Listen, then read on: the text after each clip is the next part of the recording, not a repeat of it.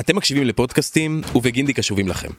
בזמן שכולם מדברים על עלייה של 20% במחירי הדיור בישראל בשנה האחרונה, גינדי הראשונים להציע חזרה למחיר של פעם.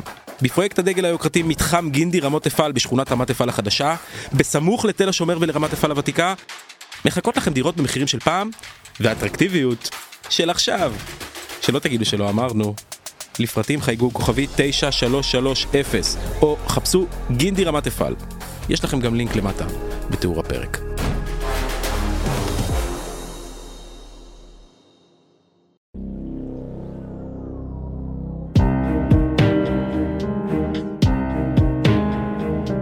הקוגיטו, עם אברום בורג, מבית אול אין, הבית של הפודקאסטים.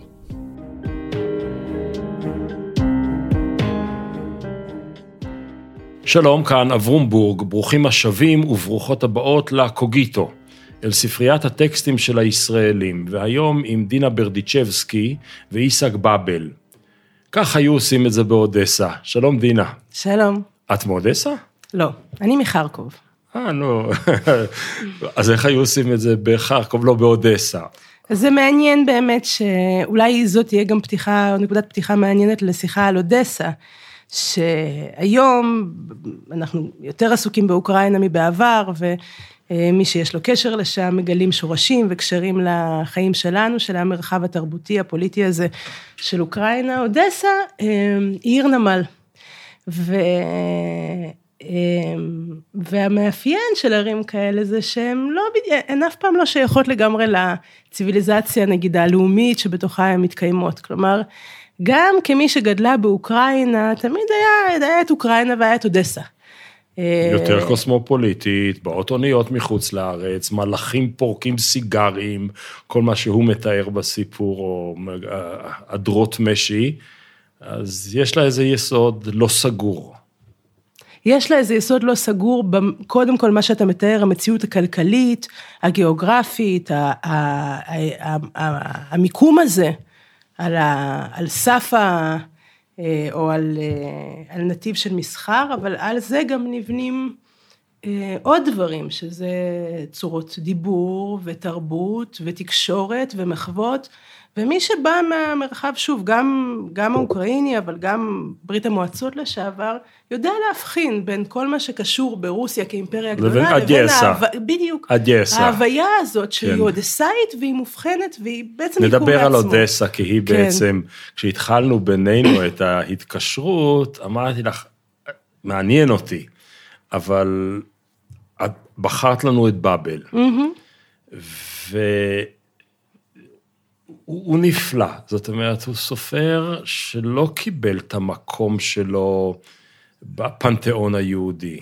זאת אומרת, אחרים שהיו באודסה, או במרחב הרוסי, קיבלו מקומות יותר חשובים, והוא לא. נכון. כי? אמ, הוא סופח, שוב, בגלל חלוקות שאנחנו כבר בתהליכים היסטוריים עושים ומחלקים מחלקים קאנונים ספרותיים לאיזה, אה, נותנים להם זכויות קניין לאומיות, זה שייך לקאנון היהודי, זה העברי, זה הרוסי, הסובייטי, באבל נזכר ועבר קאנוניזציה של סופר סובייטי. עכשיו אולי נדבר עוד מעט מה, איזה מין סופר סובייטי הוא היה, אבל אה, הוא שייך לסיפור התרבותי ולפוליטיקה ולכל ה... כן, של, אה, של המציאות, של המציאות ההיא. בואי נגיד רגע ביוגרפית, הוא נולד במאה ה-19, אה, בסוף, בסוף, בסוף, עם כל מיני סיבובים, הוא מת באחד הטיהורים של סטלין, ב-1940 נדמה לי, כלומר, בסך הכל לא בגיל מבוגר מדי, אה, והוא שם על השולחן בעצם שלושה סוגי תכנים. התוכן הראשון הוא באמת תוכן שמתעד את אודסה כפי שהוא הכיר וראה. התוכן השני מאוד יהודי, על יהודי אודסה, או חלק מיהודי אודסה שבאותו מקום, וחלק שלישי הוא באמת, אה, בעיניי לפחות ממה שקראתי בעברית שלו, הוא כמעט פציפיסט, כלומר התיאורים שלו את חיל הפרשים הם מחאה נגד האכזריות של המלחמה באשר היא, וכאן הוא אוניברסליסט, הוא לא סובייטי, הוא לא יהודי, הוא אוניברסליסט שלא אוהב מלחמות. בהחלט. כי הוא ראה אותן. הוא לחם, או תיעד. הוא, הוא, הוא ראה את זה מקרוב. זה באמת רגע דרמטי ומרתק בהיסטוריה שלו, הפרטית, הביוגרפיה שלו, אבל גם שמצטלב עם הביוגרפיה של המאה ה-20 כולה. אה, מה שקרה שם, כלומר הרגע הזה שבו נוצר בצד אחד אותו מחזור של סיפורי אודסה, בו זמנית חיל הפרשים וגם פרץ באבל כבאמת סופר לעצמו, אבל גם יקום. ממש, שמכיל בתוכו עולם ומלואו. בספר הזה שתורגם בפעם השנייה, אה, בפעם הראשונה הוא תורגם על ידי שלונסקי, ועכשיו הוא תורגם על ידי אה, נילי מירסקי, עכשיו, לפני 15, 20 שנה, לא יודע. יותר, 30. 2000 ומשהו לדעתי, תסתכלי רגע. לא, לא, זה 89 לדעתי.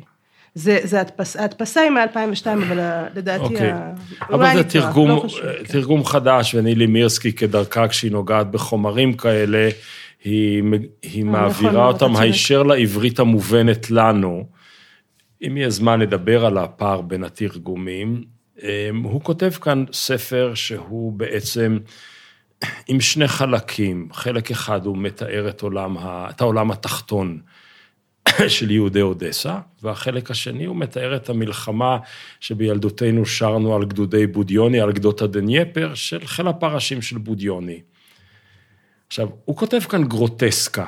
עכשיו, היא גרוטסקה שהיא נפלאה, שהסיפור הפשוט, ואני רק שם את המסגרת שלו, ואת עכשיו הולכת למלא אותה, יש מישהו בשם רב אריה לייב, מי הוא בדיוק, איפה הוא בדיוק, אני לא יודע אם הוא יושב על הגדר של בית הקברות, האם הוא בעל פונקציה, לא יודע, הוא לא ברור לגמרי, והוא מספר למספר אמ, על עלייתו ונפילתו של אדם בשם בניה, בניה קריק, קריק. למעמדו כמלך, ממש הוא משתמש בביטוי מלך, מלך עולם הפשע.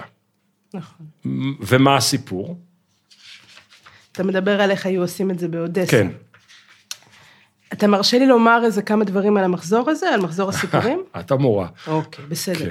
אמ, אז שוב, אני רוצה להדגיש את, את, את, את הנקודה הזאת של איך באבל מגיע להיות באבל בכלל, וזה, צריך להבין את זה גם כדי לקרוא את הסיפורים. אמרת, הוא נולד בסוף המאה ה-19 בפלח אודסה, גדל חלק מהזמן באודסה, חלק מהזמן ב, ב, ב, בניקולאייב. במשפחה של יהודים, בנקאים כאלה, מתיישבי אודסה, אלה שבאמת בנו את הכלכלה ואת התרבות שלה, אותו מיעוט יהודי שהיה אחד ממיעוטים רבים של אודסה, עם טורקים ויוונים וכל באמת אה, הספינות והסוחרים שהגיעו רב מ- של הים השחור. ערב רב של הים השחור. אה, לקראת, סביב מלחמת העולם הראשונה, גם אודסה נמצאת בשקיעה וגם העולם היהודי בתוך זה כבר מפסיק להתקיים כמו שהוא התקיים עד אז, ובאבל כמו הרבה אה, מבני דורו מגיע לסן פטרבורג, לפטרבורג אז, אה, מתחיל לכתוב, לקראת סוף העשור השני, גורקי מגלה אותו, אבל זה עוד ממש ראשית הדרך. מגיעה מלחמת האזרחים, הוא יוצא למסע הזה, מצטרף לחיל הפרשים של אנחנו בודיונה, מדברים כן. על המלחמה ברוסיה בין הלבנים לאדומים. נכון, וזה בעצם היה, האזרחים זה נכון. נשמע ניטרלי מדי. זה הייתה כן. מלחמה, זה הייתה גם להגיד שהייתה בין הלבנים לאדומים, זה גם לפשט את הסיפור, כי זו הייתה מלחמת הכל בכל, וגם את זה חשוב לי נורא להדגיש, אני גם מלמדת את הסיפורים האלה, קשה לנו לדמיין את המציאות הזאת של העשור בין 1915 ל-1925, שבה גם באמת העולם כפי שהכירו אותו, גם יהודים, גם לא יהודים, רוסיה האימפריאלית, אירופה נמצא כל, האימפר, בטלטלה. כל האימפריות נופלות. נמצא בטלטלה שלא, לא, אי אפשר, אי אפשר לתפוס את ממדיה. בפרט אה, ברוסיה, אה, בתקופת מלחמת האזרחים, גם ההרג הוא הרג המוני, מדברים על 15-20 מיליון. הוא רואה, באבל רואה ב, ב, בתנועה הזאת שלו, כחלק מחיל הפרשים, גם את החורבן של העיירות, מה שאנחנו כבר כל כך תמיד רגילים לקשר לאסון של השואה ולחורבן של היהדות, הוא רואה לנגד עיניו במלחמת העולם הראשונה ו, ובמהלך מסעות הקרב האלה של, של מלחמת האזרחים. ו, אה, והוא כבר נמצא רחוק מאודסה, והוא כבר כותב על אודסה, והוא כותב על העיירות והכפרים מפרספקטיבה של, של אדם נוסטלגיה. שיודע, נוסטלגיה זה, זה, זה נקודה מעניינת. נסתכל עוד מעט ונקרא ונדבר, כן נוסטלגיה, לא נוסטלגיה, מה הוא עושה עם הנוסטלגיה? אבל הוא כותב על עולם שאיננו. ועוד לא אוסיף דבר, אני, ואני לא אאריך בזה, אבל צריך לחשוב רגע, איך, איך ילד כזה מבית יהודי שמכיר את ההגה האודיסאית, שמדברים בה ביידיש, שמדברים בה ביידיש, אה, או שמדברים בה במין רוסית מיוהדת כזאת, עם כל הנימות וה, וה, וה, וההגאים האלה שאופייניים לשפה הרוסית היהודית הזאת. מגיע להיות סופר סובייטי, סופר רוסי, איך? ואולי גדול הסופרים איך? אה, של התקופה ההיא. לפחות גדול וזה, הסופרים של בשביל זה הסיפורים אנחנו הקצרים. נקרא, בשביל זה אנחנו נקרא. וזה זה הדבר המעניין. אז זה נפתח בחתונה. אמ, אז אני, אני לא יודעת אם אנחנו, החתונה, אתה דיברת קודם על... על, על אני אגיע לחתונה אחרת, תדלגי כן. לאן שאת רוצה בסיפור. אתה דיברת, אתה דיברת על... אה, ככה היו עושים את זה באודסה. כן. ב-1924 יוצאים גם מחזור חיל הפרשים וגם סיפורי אודסה, שכוללים בתחילה ארבעה סיפורים, וגם את הדמויות המוכרות שאחר כך הפכו להיות חלק מהמיתוס של אודסה.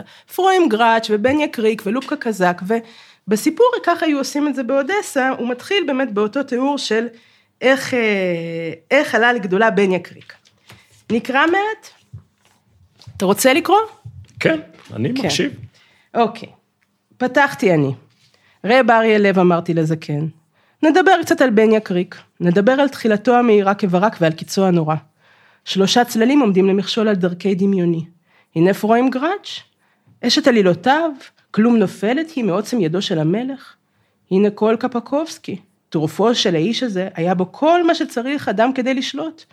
וחיים דרונג, האומנם לא השכיל להבחין בברק זיוו של, של הכוכב החדש, מדוע איפה טיפס בניה קריק לבדו, אל ראש סולם החבלים, שעה שכל השאר נשארו תלויים למטה, על השלבים הרופפים.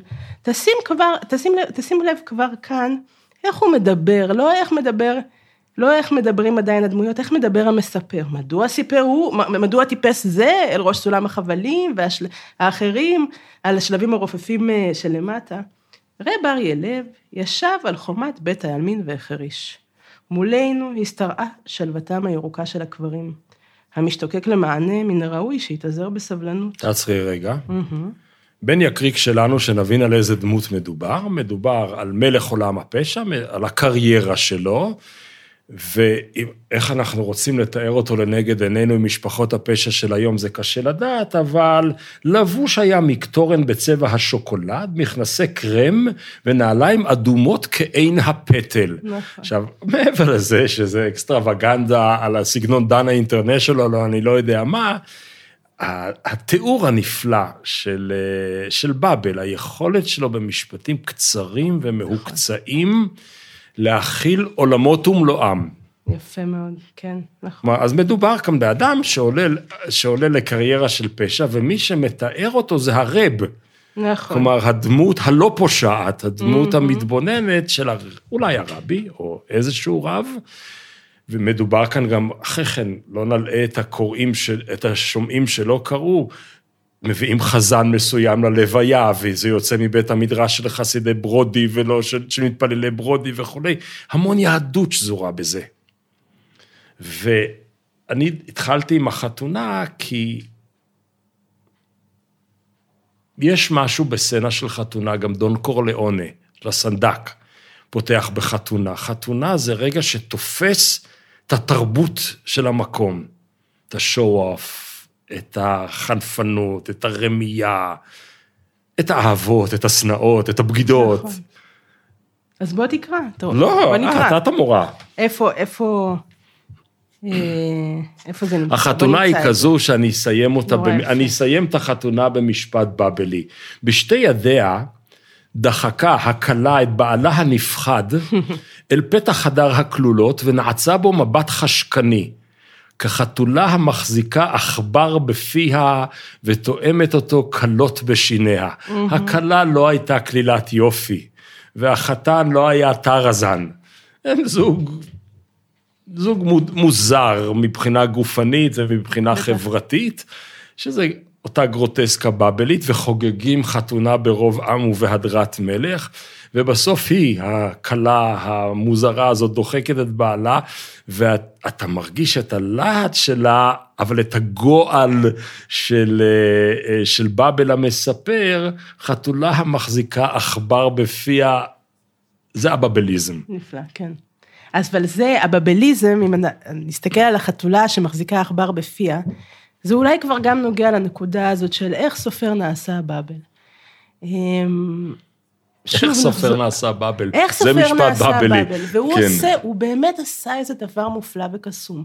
כי, כי הנקודה הזאת שאמרתי, ילד יהודי מהפרובינציה מגיע לעיר הגדולה, זה אותו ילד שצוחקים על ההגה שלהם, וצוחקים על, ה, על הדיבור הציורי שלהם, וההפרזות וההפלגות, והוא לוקח את כל, את כל אותם היבטים נלעגים של הקיום שלהם, של סוחרים שכל הזמן צריכים להגזים ולמכור לך סחורה במרמה כזאת, להגיד, זה יותר ממה שנדמה לך, זה משהו נפלא מה שאני רוצה, והוא הופך את זה לדרך הדיבור ודרך הביטוי הספרותי, בעצם הוא עושה יהודיזציה של הרוסית. כל מה שאנחנו קוראים פורסם ברוסית, אבל מי שקורא את זה ברוסית, שומע אודיסאית, שומע את הסוחר היהודי וגם המספר שרוצה, הוא צריך להגזים, הוא צריך לטבל, הוא צריך להוסיף דימוי על כל משפט למש- ומשפט, כלומר גם לדחוס את זה, אבל גם לתת לך איזה משהו אקסטרווגנטי כזה, באמת. ההרגשה שהסופר, מכיוון שכל פרק הוא סיפור בעצם, הוא כמעט עומד בפני עצמו, הוא עבד המון המון זמן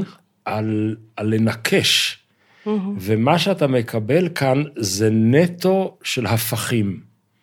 תיאורים גדולים עם מילים קטנות, רגעים זערוריים עם מילים עצומות, ולתוך זה את מכניסה גם את העגה, את הדיאלקט המסוים שהוא גם של ערי נמל וגם של הפושעים, ובייחוד שבאודסה לא היו רק גדולי הדור, לא רק ביאליק וצ'רניחובסקי וז'בוטינסקי ילכו ברחובותיה, אלא גם עבריינים, נכון. שברוך השם שלטו בעיר. מה זה עולם הפשע הזה? אמ, אז כשאמרת שלטו בעיר, אה, מיד תהיתי, ואני תמיד שואלת את עצמי, הם באמת שלטו בעיר? כלומר, כשאני חושבת על הדמויות האלה של הכלה הזאת שאתה מתאר, ובן יקריק, שהוא, שואלים איפה נגמרת המשטרה ואיפה מתחיל בן יקריק, כי כלומר, אודסה השאלה- שייכת זה לבן השאלה יקריק. בספר. אנחנו, כן. כל, בכלל התרבות המודרנית, באבל לימד אותנו לדמיין את אודסה, שנשלטת על ידי ענקים כאלה, כמו גרגנטואה ופנטגרואל, כן, מה, מה, אה, מסיפורי רבלה, שיכולים לשלוט בכל העיר. מה זה, זה תיאור של מציאות, או זה תיאור של אדם שזוכר את העיר, רואה את העיר שלו, שהיא איננה כבר, היא עברה קולקטיביזציה גמורה, כל נכסיה הופקעו, כל, ה, כל העולם התחתון שלה וכל מה שהיה סביבו לא קיים, והוא מעלה ביצירותיו את זכר העולם הזה, לא רק כפי שהוא כלומר, כפי שהוא היה, אבל גם כפי שהילד חווה אותו בילדותו. אולי כפי שהוא היה חולם שיהיה, שזה איזה מין מהפכה יהודית כזאת. רומנטיזציה. איזה, רומנטיזציה או קרנבליזציה של המציאות, בעולם שבו הוא גם מספר, הוא גם, הוא גם, הוא גם כותב סיפורים מנקודת מבט של ילד, שרואה בפוגרום איך רוצחים את סבא שלו. והצד השני של המציאות הזאת זה לתאר איך יהודים שולטים בכל אודסה, והמשטרה מתחילה רק איפה שבן יקריק נגמר, אתה מבין? זה, זה... זה נכון, בייחוד שיש שם מאבק מאוד מעניין, שבמקום שיש קיסר ושליט, אז אין מלך של פשע. כי- אה, אמירה שם באחד המקומות, אבל יש גם רגעים מאוד מעניינים, שבזמן אחר אני אשליך אותם למקום אחר. יש מלחמת אזרחים שתיארת אותה, ויהדות אודסה סובלת מפוגרומים ותוקפים אותה. ואותו בודיוני ידוע לשמצה בעינינו, כל הזמן פוגע בז'ידים. לא חשוב נגד מי אני, את הז'ידים אפשר להרוג מכל כיוון. וחלק מהפוגרומים נמנעו משום שארגוני הפשע וכנופיות יהודיות נכון. הקימו כוח מגן.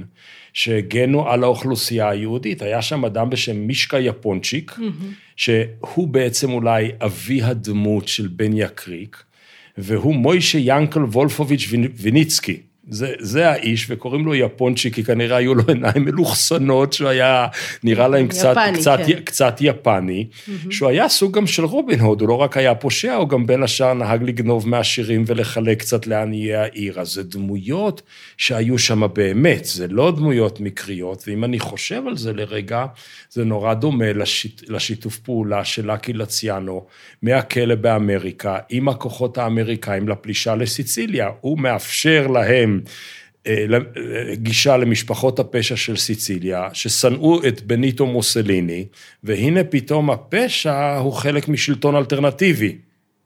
וזה כמעט, אתה כמעט מרגיש שבאבל מנבא את היחסי הגומלין בין כנופיות פשע למישהו שאיננו השלטון הרודני. בהחלט, בהחלט, ואני חושבת שהתבוננות בדמות של בניה קריק, היא יכולה ללמד כל כך הרבה בעניין הזה. כלומר, גם בכמה זה מורכב, זה חמקמק, ואמרת רומנטיזציה, והוא לא עושה לרגע רומנטיזציה, במובן שאף פעם אתה לא מבין מי הטובים ומי הרעים. אם אתה רוצה, בוא לא, נסתכל... לא? כולם טובים. כולם זה, יש להם איזה נקודה זה, מצחיקה, איזה נקודה נלעגת. יש איזה חמלה וחיבה כן. עמוקה ביחס שלו לדמויות האלה, לכולן. שעושה, שעושה אותן כן. לטובות. אבל בניה קריק, אתה לא יודע אם הוא איזה גנגסטר אימתני כזה ששולט בעיר, או שהוא איזה המשך של המספר היהודי הזה, שמה שהוא יודע זה לערבב אותך יפה יפה. והוא קצת שהוא בערך, מסובב אותך כן. עם הרטוריקה שלו. מקסים, כי הוא כן. סוחר ממולח, אבל סוחר ממולח, הכוח שלו זה לא בתחמושת. זה במה שהוא יודע לעשות בשיחה, ומה שבן יקריק עושה, הגדול, ככה היו עושים את הוא זה מערבב. זה מופת של מה אפשר לעשות עם מילים, כלומר, כן. זה, זה דבר ש... זה, זה, הוא בן ברית של בבל. כולל איך הוא. מתחתן עם בת יריבו. נכון, נכון, אומרת, נכון, כן. אבל זה אתה, אתה, אתה לוקח, כלומר, יש פה כל מיני סיבות. אתה רוצה שנקרא, אני מאמינה שזה מעניין, אבל... אה, הטקסט, הטקסט הוא שלך. אה, אז בוא, קודם כל תסתכל איך, איך מדברים, איך מדברים באודסה, לפני שאיך היו עושים את זה באודסה, ואחר כך אולי נתעכב על סצנה קצרה, אם תרצה, של אה, איך הוא יוצא מאיזו הסתבכות ומעשה של אה, רצח ש, שהתגלגל משוד אחד ש, שהוא היה אחראי לו. אז אומר, אתם זוכרים את ה... אתה זוכר את האריה לב ששואל איך, המספר שואל, איך הוא נעשה בן יקריק? ועונה לו אריה לב, מדוע הוא? מדוע לא הם? אתה מבקש לדעת? ובכן, שכח נא לרגע שיש לך משקפיים על החותם וסתיו בנשמה. חדל לחולל מהומות ליד המכתבה ולגמגם בצאתך אל הבריות. תאר לך לרגע שאתה מחולל מהומות בחוצות. סליחה, שאתה מחולל מהומות בחוצות העיר ומגמגם על גבי הנייר. אתה נמר, אתה אריה, אתה חתול, אתה יכול ללכת לישון עם גויה, והגויה תשבע ממך נחת. אתה בן 25, לו היו טבעות ברזל קבועות בשמיים ובארץ, היית אוחז בטבעות האלה ומושך את השמיים אל הארץ. אבל אבא שלך הוא מנדל קריק, העגלון. נעצור פה. קודם כל, שוב, הציוריות האדירה שלה. אם היו טבעות בשמיים ובארץ, היית מושך את השמיים אל הארץ. זה התאווה והתשוקת הכוח של בן הקריק. אבל גם אומר, תשכח שאתה מגמגם על ה... תפסיק לגמגם בדיבור ו... אה, ולהיות שוטף על התיאור הנייר. שם, נדע- זאת המהפכה התיאור הוא היהודית. יותר גדול. מחכה לו העבריין הראשי של הדור הקודם, והוא אצל איזה זונה. והוא יום שלם שם, והעבריין מחכה בחוץ, והוא לא יוצא ולא יוצא ולא יוצא. וכשהוא יוצא, הוא אומר לו, אני בן 25, וזה, ועכשיו תורי. נכון, נכון. אמ, נלך עוד קצת הלאה. המשפחה שלו גולה לצרפת, והייתה לו הזדמנות לעזוב את רוסיה כן. דאז, והוא מעדיף בסופו של דבר להישאר ברוסיה, למרות שהוא הוא, הוא רגיש מספיק בשביל לדעת שהוא בצרות צרורות, כי הוא לא הרגיש בבית באף שפה אחרת, בניגוד נגיד לסופרים גולים שגלו מ- מרוסיה לפריז ודאי, אבל לניו יורק ולמקומות אחרים. הוא נשאר בבית, הוא בסוף מת שם, הוא הומת שם, נרצח. נרצח. כן. הוא כתב ב-34 בקונגרס של איגוד הסופרים הסובייטים, הוא אמר, אני הופך להיות לאמן בז'אנר ספרותי חדש, ז'אנר השתיקה.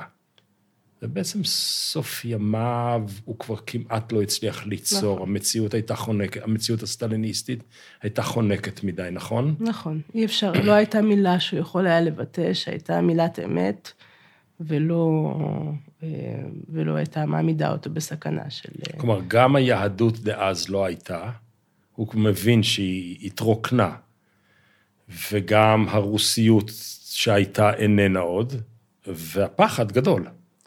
הפחד גדול כי הוא היה סופר אמיץ, במובן הזה שהוא ביטא את ראיית העולם שלו, ודרך זה את המציאות החברתית על כל קלקוליה. כשהוא כתב על, ה... כשהוא כתב על מסעות חיל הפרשים, הוא תיאר את ההתעמרויות ואת ההתאכזרויות ליהודים, ובכלל, ובכלל את האלימות האדירה של, ה... של הצבא האדום. זה כמובן היה שימש כתב אשמה עבורו, כשכבר... אמ, כשסטלין עלה לשלטון, כשהמציאות של ה... אה, כשהמציאות הפוליטית הפכה להיות יותר ויותר ריכוזית ו... ו... והסופרים כבר הוכפפו באופן רשמי לאידיאולוגיה תראי, דיברנו. סליחה, דיברנו על באבל האיש, נגענו מעט בשפה שלו, של, אה, שבאמצעותו הוא מתאר את הכיעור באמצעות צירופים לשוניים פשוט מופלאים, אה, והוא רואה הרבה כיעור, הוא, כל דבר, הוא, אני, לא, אני פשוט לא מצליח להבין את השפה שלו, היא, היא, היא, היא כל כך מפתיעה, והתרגום של נילי מירסקי הוא באמת יוצא מן הכלל ותופס חלק מ, מהאווירה. המשפט שקראתי, שבאחת החתונות שם, הם שותים יין בסרביה, שריחו ריח שמש ופשפשים. אופס, רגע, אז זה טוב או רע. אמ, בואי נדבר עכשיו על אודסה העיר. מה היה שם? עיר, עיר, עיר צעירה. קמה ב, ב, ב, בסוף המאה ה-18, היא בת 200 שנה נגיד היום. מה היה לפחות באודסה היהודית שמשכה אליה? צ'רנחובסקי כותב בה את שחקי שחקי בגיל 17, אי אפשר להבין את ביאליק בלי אודסה, אי אפשר להבין את ז'בוטינסקי שכותב רומן על אודסה, חמישתם. ואני יכול למנות כאן עוד רבים וטובים. מה זה? זה מתחיל מנסיבות אובייקטיביות, פוליטיות. אודסה הייתה העיר הראשונה שבה הותר ליהודים באופן רשמי להתיישב כבר בסוף המאה ה-18, כלומר, עם היווסדה. אה, עד המאה ה-17 היא בכלל לא הייתה בשלטון האימפריה הרוסית, היא נכבשה ויושבה במהירות כדי להיות בעצם מטרופולין של מסחר. ו... ולא במקרה רשויות השלטון התירו ליהודים להתיישב, כי הם ידעו שיהודים הם, ה...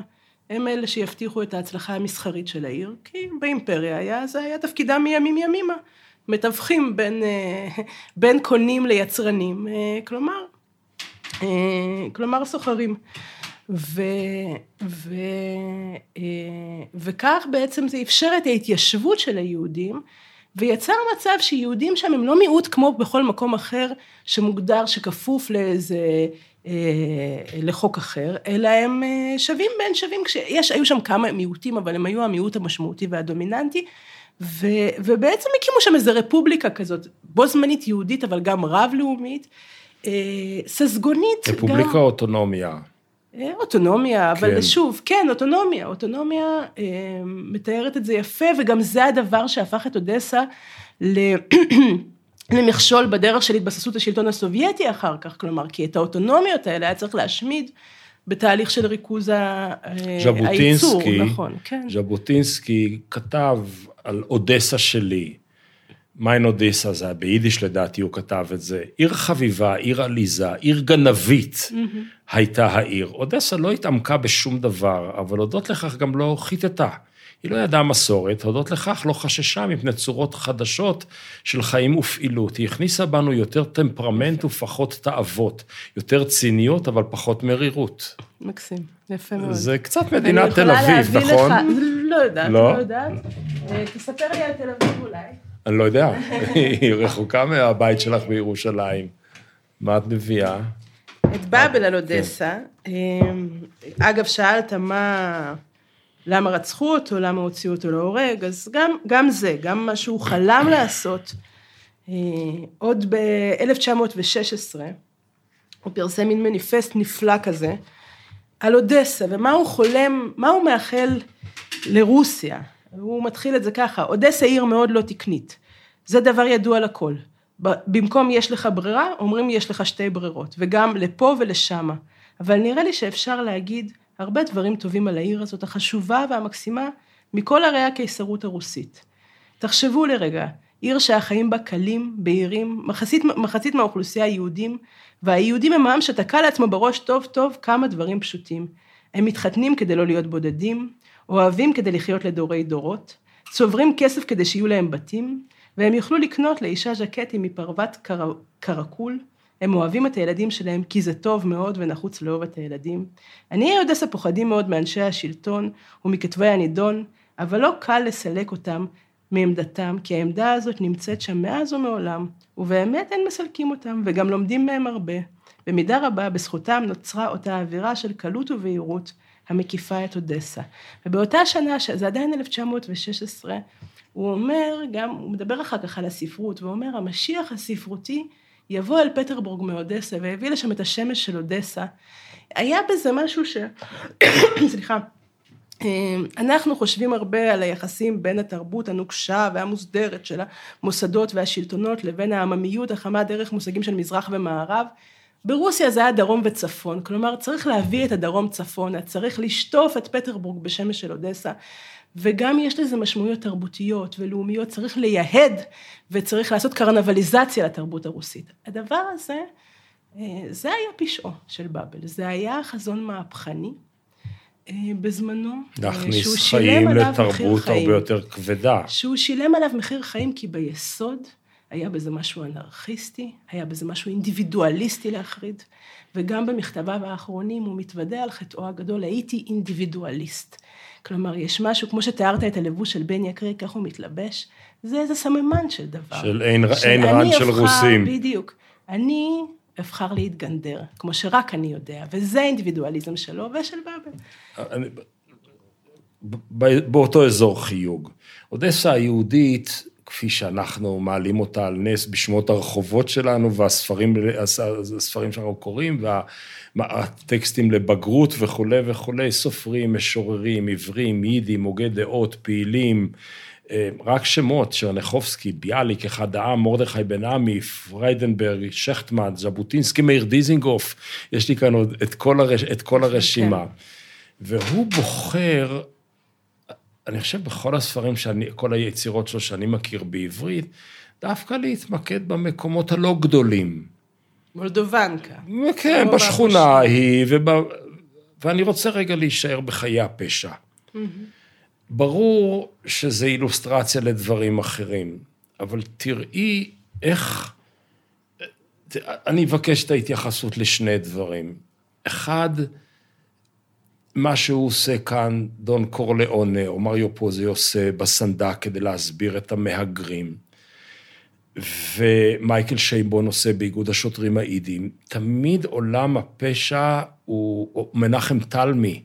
בשנים הראשונות לישראל תיאר תמונות יפואיות, תיאר בדיוק את השוליים האלה שאף אחד לא רוצה להסתכל עליהם, אבל משם גדלים גידולים אחרים. אז זה דבר אחד. אם את יכולה להגיד כמה מילים על למה עולם הפשע הוא כל כך אטרקטיבי מבחינה ספרותית, ואז אני אעבור מתוכו לשאלה הבאה. אז זה ממשיך, אני חושבת שאתה אמרת פה דבר קודם שהוא מאוד חשוב, הברית הזאת בין רובין הוד לדון קורליאונה, היא מאוד מאוד חשובה. למה? כי שוב, עולם הפשע, למה הוא מושך אותך? בו, הוא, הוא מייצג שני דברים עבור, נגיד ילד כמו באבל, בעת ובעונה אחת. זה כוח בלתי מוגבל, זה תאווה של שלטון, זה באמת הנרקיסיזם הראשוני הזה שעדיין שום דבר לא תוחם אותו. אבל גם זה יצר, זה יצר, יש בו יסוד של בקשת צדק, של יצר מהפכני, של הספרות עצמה, לא ספרות כאיזה אתר אה, או, אה, אה, או בסיס לתרבות של פנאי, של התרווחיות, אלא ספרות כביטוי ליצר להראות את בטנת החיים המוסתרת, המושתקת, כל הדבר הזה שהשפה הרשמית לא נותנת לו ביטוי. כל הדברים, ש, כל הדברים שהספרות, המוס, הספרות גם הממוסדת, כן, לא רוצה להראות, כלומר זה ללכת לעולם התחתון של החיים, לא רק לעולם התחתון של עיר כזאת או אחרת, אלא לחשוף את החיים מלמטה, כן, וזה אינסטינקט שהוא יכול למצוא את עצמו, הוא יכול למצוא את ביטויו אצל דיקנס בתיאורי החלכאים והנידחים, והוא יכול למצוא את ביטויו אצל באבל בתיאורי עולם תחתון ופשע כעולם מרדני, כעולם מהפכני, כעולם שרוצה להחריב סדרים קיימים, וזה, שוב, זה היסוד גם הפוליטי, אה, הנפשי, פוליטי נפשי של היצירה הזאת, שהוא מרתק. אני, אני רוצה to push back, לדחוף. אני חושב, שנגיד שבאבל הוא הדמון רניון של אודסה, אה, של ברנשים וחתיכות שההוא כותב על ניו יורק, אה, עם חיוך אוהב של העולם הזה. אני חושב שיש כאן משהו אחר. אני חושב שבמאה ה-19-20 היהודים יצרו שלושה מוקדי כוח שלא היו להם בעבר. יצרו מדינה, אנחנו, יצרו גולה עוצמתית, יהדות ארצות הברית, ויצרו את המאפיה. את חושבת על מאיר לנסקי ובאגסי סיגל וכל המאפיה היהודית של הלואוור איסט סייד בניו יורק, את חושבת על החבר'ה האלה של, אה, של אודסה, אבל היו עוד ארגוני פשע יהודים, ולשלושתם יש את אותו דבר. אף אחד לא דואג לנו, ואלה ארגוני הסולידריות שלנו. הרי המאפיה, בסוף, היא דואגת למישהו עם הקייס שלנו, עם הקוזה נוסטרה. ובמובן הזה, כשאת קוראת אצל באבל את, הת... את, ה... את הפשע היהודי, הוא פשע יהודי מאוד סולידרי עם יהודים. נכון. ואת שומעת שמאיר לנסקי מגייס כסף לקנות נשק להקמת מדינת ישראל, וכולי וכולי. ואני טוען שחלק מה... אני מבקש לשאול אותך, לא לטעון, שחלק מהתיאורים שלו כאן זאת כמיהה לכוח יהודי. זאת שאלה מעניינת. זאת שאלה מעניינת. אה, כמיהה לכוח יהודי מצד אחד. ראשית, אני מסכימה שזה, התיאור כשלעצמו יפה, אה, ונראה לי משכנע. אני אוהבת בבאבל את האמביוולנטיות, את זה שלרגע נדמה לך שתפסת שם איזה מוסר השכל, ומיד הוא חומק ממך, כי מיד אותו כוח יהודי ש... אתה, אתה כבר משתכנע שהוא צודק, שהוא אומר דברי אמת, שאפשר ללכת אחריו, ומיד הוא מהפך את זה ומראה לך שזה בעצם מעשה תרמית. ועד כמה זה ביטוי לאיזה אולי אפילו באמת אה, משאלה ציונית עמוקה, ועד כמה זה פרודיה על הציונות, באמת צריך לקרוא. וזה אולי אחת השאלות המעניינות ביותר, פרודיה, מה זה הציונות? לא הציונות ממש, אבל ריבונות יהודית. האם זה בדיחה אחת גדולה, או כל ריבונות? מה עושה, מה עושה הפושע, מה עושה הגנגסטר לרעיון של הריבון? כלומר, האם הוא מאדיר את הריבון, או שהוא שם אז... תמיד כדי להיות המתחת לפני השטח של כל ריבון, כן? ולהעמיד את ה... דודה פסיה, כן. אמר אזבניה לזקנה הקטנה הפרועה המתפלשת על הרצפה. אם החיים שלי נחוצים יפה. לך, את יכולה לקחת אותם. אבל אין מי שלא טועה, אפילו אלוהים. יצאה פה טעות עצומה, דודה פסיה. אבל האם לא טעה אלוהים בשעה שהושיב את היהודים ברוסיה, שיטענו, שיטענו שם כמו בגהנום? ואז אתה אומר, אה, הנה הוא ציוני, נכון, הנה עולים נכון, לארץ. נכון. ו- ואז מגיעה תשובתו שמהפכת, כמו שאת אומרת, וכי מה רע היה אילו ישבו היהודים בשוויצריה, והיו מקיפים אותם שם אגמים ממדרגה ראשונה, אוויררים וצרפתים בלתי פוסקים? אין מי שלא טועה, אפילו אלוהים. כלומר, הוא שם את השאלה הכי בוטה, ואת התשובה הכי בורחת והכי חמקנית. בואי נלך רגע לעוד מקום. בבליסטי במובן רב, עם, עם, עם עצב מסוים בסוף. שניים מתעדים את המקום הזה. שולמן לחם מתאר גם את העולם הקלה לנגד עיניו, ובאבל מתאר את העולם הקלה לנגד עיניו. כשיוריס לזקין במאה היהודית עושה מסע מעניין בעקבות שלוש מבנותיו של טוביה חולב. הוא הולך בעקבות זו שנסעה לאמריקה, זו שנהייתה ציונית וזו שנותרה קומוניסטית. אז שולם הלחם הולך בעקבות הבת שנסעה לאמריקה, והוא בסוף מגיע לאמריקה, כי הוא יידישיסטי או בונדיסטי או אני לא יודע מה, והוא לא ציוני בהקשר הזה. באבל נשאר עם הבת הקומוניסטית. ולמה אצלנו שלום עליכם זוכה למעמד כל כך גבוה ובאבל כל כך נשכח? אני לא יודעת כמה שלום עליכם זוכה למה, ש... למה שהוא ראוי לו, כן? למעמד שהוא ראוי לו. אני מלמדת ספרות באוניברסיטה, וזה נדיר שאני פוגשת תלמידי תואר ראשון, שהזדמן להם, הזדמן להם לקרוא עמוס עוז בוודאי, הם מכירים את השירה העברית, וכמה, גם ספרות אמריקאית, ריימונד קרבר, כמה יגידו שקראו סיפור של שלום עליכם? לא יודעת, לא הרבה, ואני שואלת. ושל עגנון כן? אה, יותר מזה, הרבה יותר, בוודאי. גם מערכת החינוך פה משחקת תפקיד, אבל גם התרבות שבתוכה אנחנו חיים בכל זאת, משמרת את זכרו ואת המעמד של סיפורי עגנון. אתה יכול לראות אפילו, אתמול הייתי בחנות סטימצקי, שבה לא מצאתי כבר שום מדף של ספרות יפה, מה, מוכרים עוד ספרים עג... בסטימצקי? בדיוק, כרכי עגנון עמדו שם, ואמרתי, אלה האחרונים, שלפני שמפנים את הכל לטובת כן. הצעצועים, הכרכים של עגנון עומדים. אה, אז, אה, אז יש... אז יש, אז גם לשלום עליכם אני לא יודעת כמה, כמה, מה שכן שיחק לטובתו זה שהוא עבר אה, אדפטציה מזהירה לתוך התרבות האמריקאית, והפך להיות גם שם סולף במידה רבה, והפך להיות איזה מין מזכרת מתקתקה לעולם השטטל. והוא חלק מהמיתוס של השטטל. ודרך אמריקה והכנר על הגג, הוא כבר הגיע לישראל עם המיתוס השטטל, אבל כמה זה מי שאנחנו, מי שיש לנו בראש. זה לא שלום הלחם אה, העמוק, לא. כן, בדיוק. דרך אה, חיים טופול, אנחנו רואים שם איזה משהו כזה בדמיון שלנו, ואיכשהו מקשרים את זה לשלום הלחם. אין בין זה לבין הסיפורת באמת הקומית טראגית העמוקה של שלום הלחם הרבה, והוא לא, הם שניהם נידחים מכפי שראוי היה שיהיו, אני חושבת. את יודעת, זה עולם שלם שלא נעשה אותו פה, של באמת לקרוא את כל מספידי העולם הולך ונעלם.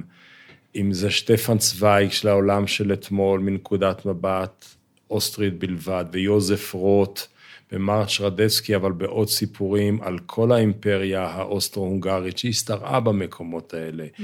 ושולם הלחם, ובאבל ועגנון עצמו. כלומר, כל אחד סופד למקומות נכון. האלה, בד...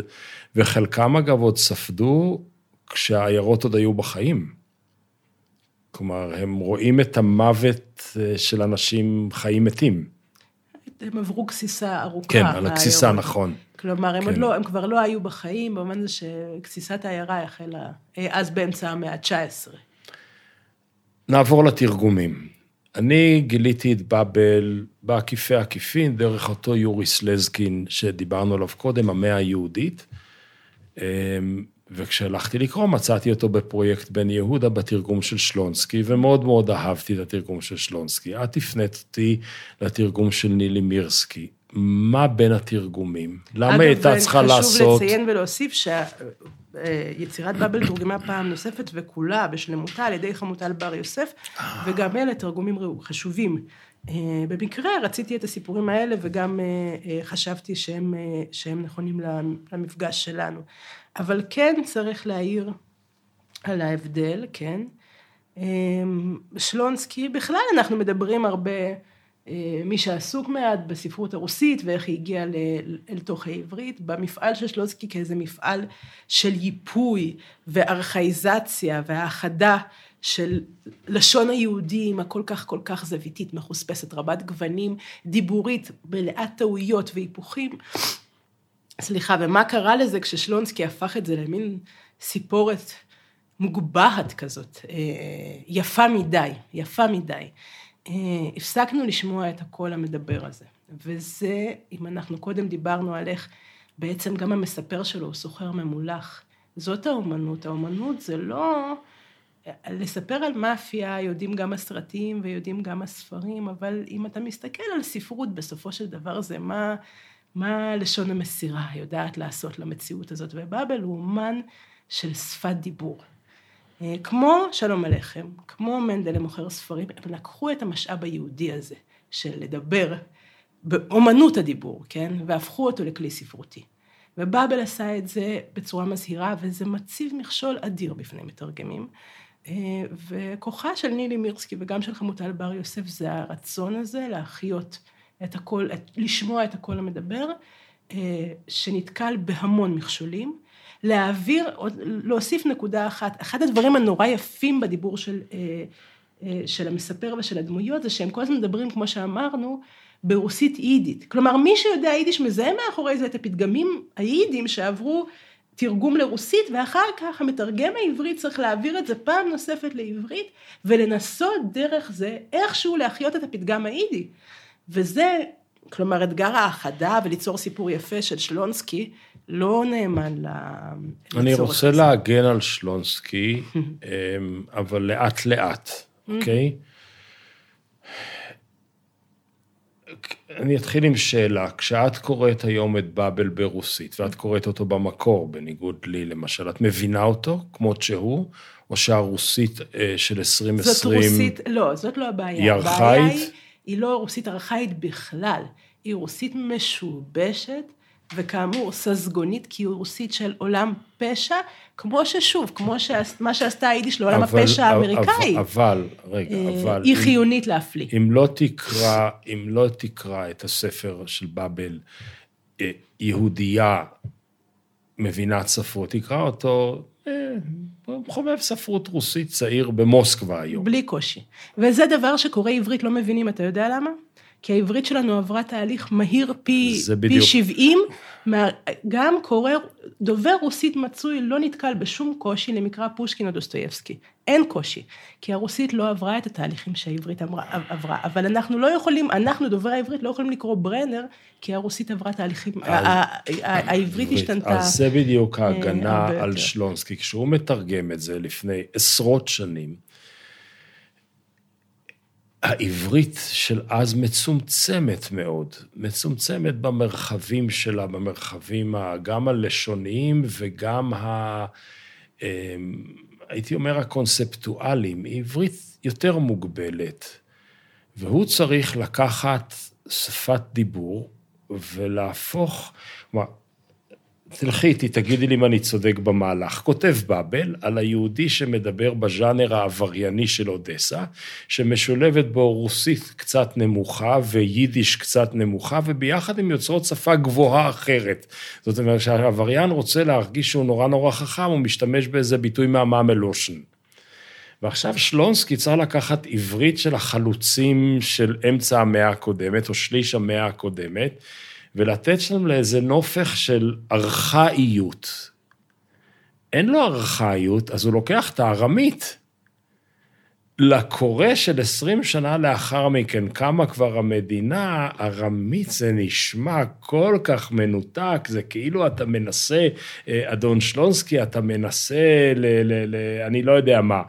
אתה מנסה לוותר על, ה, על האותנטיות, ולהפך, הוא פשוט חיפש משהו נורא מתאים, נורא דומה. תראה, כן, מה- שאתה אומר הוא מעניין, אבל גם בזמנו היו מי שהתווכחו איתו והציגו אלטרנטיבות תרגום אחרות, כי היו תפיסות תרבותיות אחרות למה ספר צריך לעשות. לאה גולדברג ושלונסקי הסתכסכו על רקע התרגום של מלחמה ושלום, כי לאה גולדברג אמרה, "צר- זה צריך להישמע מדבר, ולא שירה, אה, ולא, ולא שירה בפרוזה. ושלונסקי גם היה, שוב, גם בזמנו, לעברית יש, היו הרבה, העברית הציבה אתגרים עצומים, מכל הכיוונים האפשריים. אבל הוא גם בחר, הייתה לו, אני חושבת, דיברנו על זה קודם, שמה שאני מסכימה זה שהוא ניסה ליצור איזה קנון, קאנון קלאסי כזה, שיהיה קריא, וגם שאלת האמון בקורא, כמה, כמה אפשר לסמוך על הקורא שיסתבך בין כל, ה, כל ההגות וה, והניבים האלה, וכמה צריך לתת לו סיפור טוב ואחד. אז, אבל, אה, אבל זה, זאת הייתה מחלוקת גם בזמנו. אנחנו קרבים לסופנו, ולא לסופנו, לסוף הסיפור שלנו. גם זה. ואני. רוצה, אמ, אני רוצה לשים רגע את התמצית שהדיוט כמוני שקורא ורק נהנה מהסיפור, אני לא מבין את כל הרבדים שאת מציעה כאן. מי זה הבאבל הזה?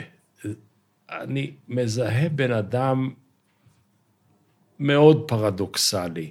כלומר, מרבית הסופרים שאנחנו מכירים נורא מנסים לייצר בכתיבה שלהם איזו אמינות, שמשפט נסמך על משפט ואין סתירה פנימית והכל בסוג של הרמוניה, והוא הוא עובד, הוא עובד בפרדוקסים. זאת אומרת, הוא אומר באיזשהו מקום, באחד הסיפורים, הוא אומר שהוא... פלוני רוצה לברוח מהכל ולהישאר להישאר לעולם, שזה בעצם בבת אחת גם הזדהות וגם ניתוק. ואתה קורא אותו, אתה רואה יפה. שיש לו אמפתיה עצומה לדמויות שלו, ומצד שני הוא מתבונן חיצוני ומרוחק, ואתה כמעט בכל משפט, לא בכל מילה, אבל בכל משפט, אתה לא יודע איפה באבל נמצא. הוא הדמות, הוא המתבונן בדמות. ויכול להיות שהוא שניהם. אז תראה, אתה מזהה רבדים עמוקים בכל זאת. אוקיי. סכמי את. באבל שלך. זה מאוד מאוד יפה. מה שאתה אמרת, הוא, הוא מסכם גם את באבל שלי. אני חושבת שאולי אם לתת איזה, אה, לתת איזה פיתיון לקוראים, יש משהו באמת תובעני, דרמטי, מהפכני בסיפורת שלו, אבל גם, להבדיל מהזמנה לקרוא את יוליסס, באבל גם היה, באמת היה בו את היסוד העממי הזה של מי שבא מהפרובינציה של אודסה אל תרבות שהייתה בעצם, כלומר, ניסיון לייצר ספרות פופולרית, והוא כתב דברים קצרצרים. ואתה לוקח שלושה עמודים, וקורא אותם, לפעמים פעם ועוד פעם, ובאמת כל העולם האדיר הזה שלו מוכל בהם. הדחיסות הזאת היא גם, היא גם הזמנה בשבילנו להתנסות באיזה, בדיוק בניגוד למה שאנחנו, להרמוניה הזאת של קריאה נעימה, להתנסות, אבל במינון שאנחנו עוד יכולים גם היום לא רק להכיל, אלא, אלא ליהנות ממנו ולגלות שם עולמות. אז אם בפיתיונות עסקינן, מה עוד נמצא מעבר למסך הברזל של הישראלים, hmm. שנדבר עליו בפעם הבאה שלנו? Oh. אבל אני חושבת שהספרות מעולם לא הייתה באמת מאחורי מסך הברזל, היא הייתה בחלקים לא. גדולים שלה מאחורי מסך הברזל של הרוסים. אז אני לא צריכה לספר, לשמחתי לא אפילו היום... לא על אמן ומרגריטה, על בולגקוב, ש... אבל רבי, כן, כן, כן לא, אבל אם וגם אני, הוא. אם אני רוצה לדבר. איתך, אני רוצה לדבר איתך בפעם הבאה על עוד דבר שאנחנו הישראלים, הישראלים קוראי הספרים, לא, לא מכירים מספיק, מה היית רוצה? פלטונוב. פלטונוב, זה אוקיי. מטאור של ספרות גדולה ואדירה. ששנים, שהשנים שלו הם מתי? אה, פחות או יותר השנים של באבל, מת hmm. ב-1950 ומשהו, נולד בסוף המאה ה-19. חלק מהדור הזה, שאולי היה, גם זה לסיכום, אמ, אני מלמדת קורסים על הספרות הרוסית, ובאחד הסילבוסים כתוב שרוסיה של התקופה המודרנית הייתה היצרנית של שני פרויקטים אדירים של המודרנה, שזה טוטליטריות וספרות יפה. ובאמת, המחצית הראשונה של המאה ה-20, זה היה הריכוז המקסימלי שאפשר היה לחזות בהיסטוריה האנושית, גם של הספרות הגדולה אי פעם, וגם של אה, הטרגדיה של, של, של, של טוטליטריזם. זה מעניין, זה בדיוק אה... ההגדרה שאיפה סולזניצ'י נולד, בדיוק שמה, במתח של הבעה, ואני לא יכול לחיות עם הטוטליטריות הזו. טוב, זה השיעור הבא שלנו. טוב. הנה, תודה רבה. תודה לך. פשוט הייתה לי שעת חסד. גם לי. תודה. תודה.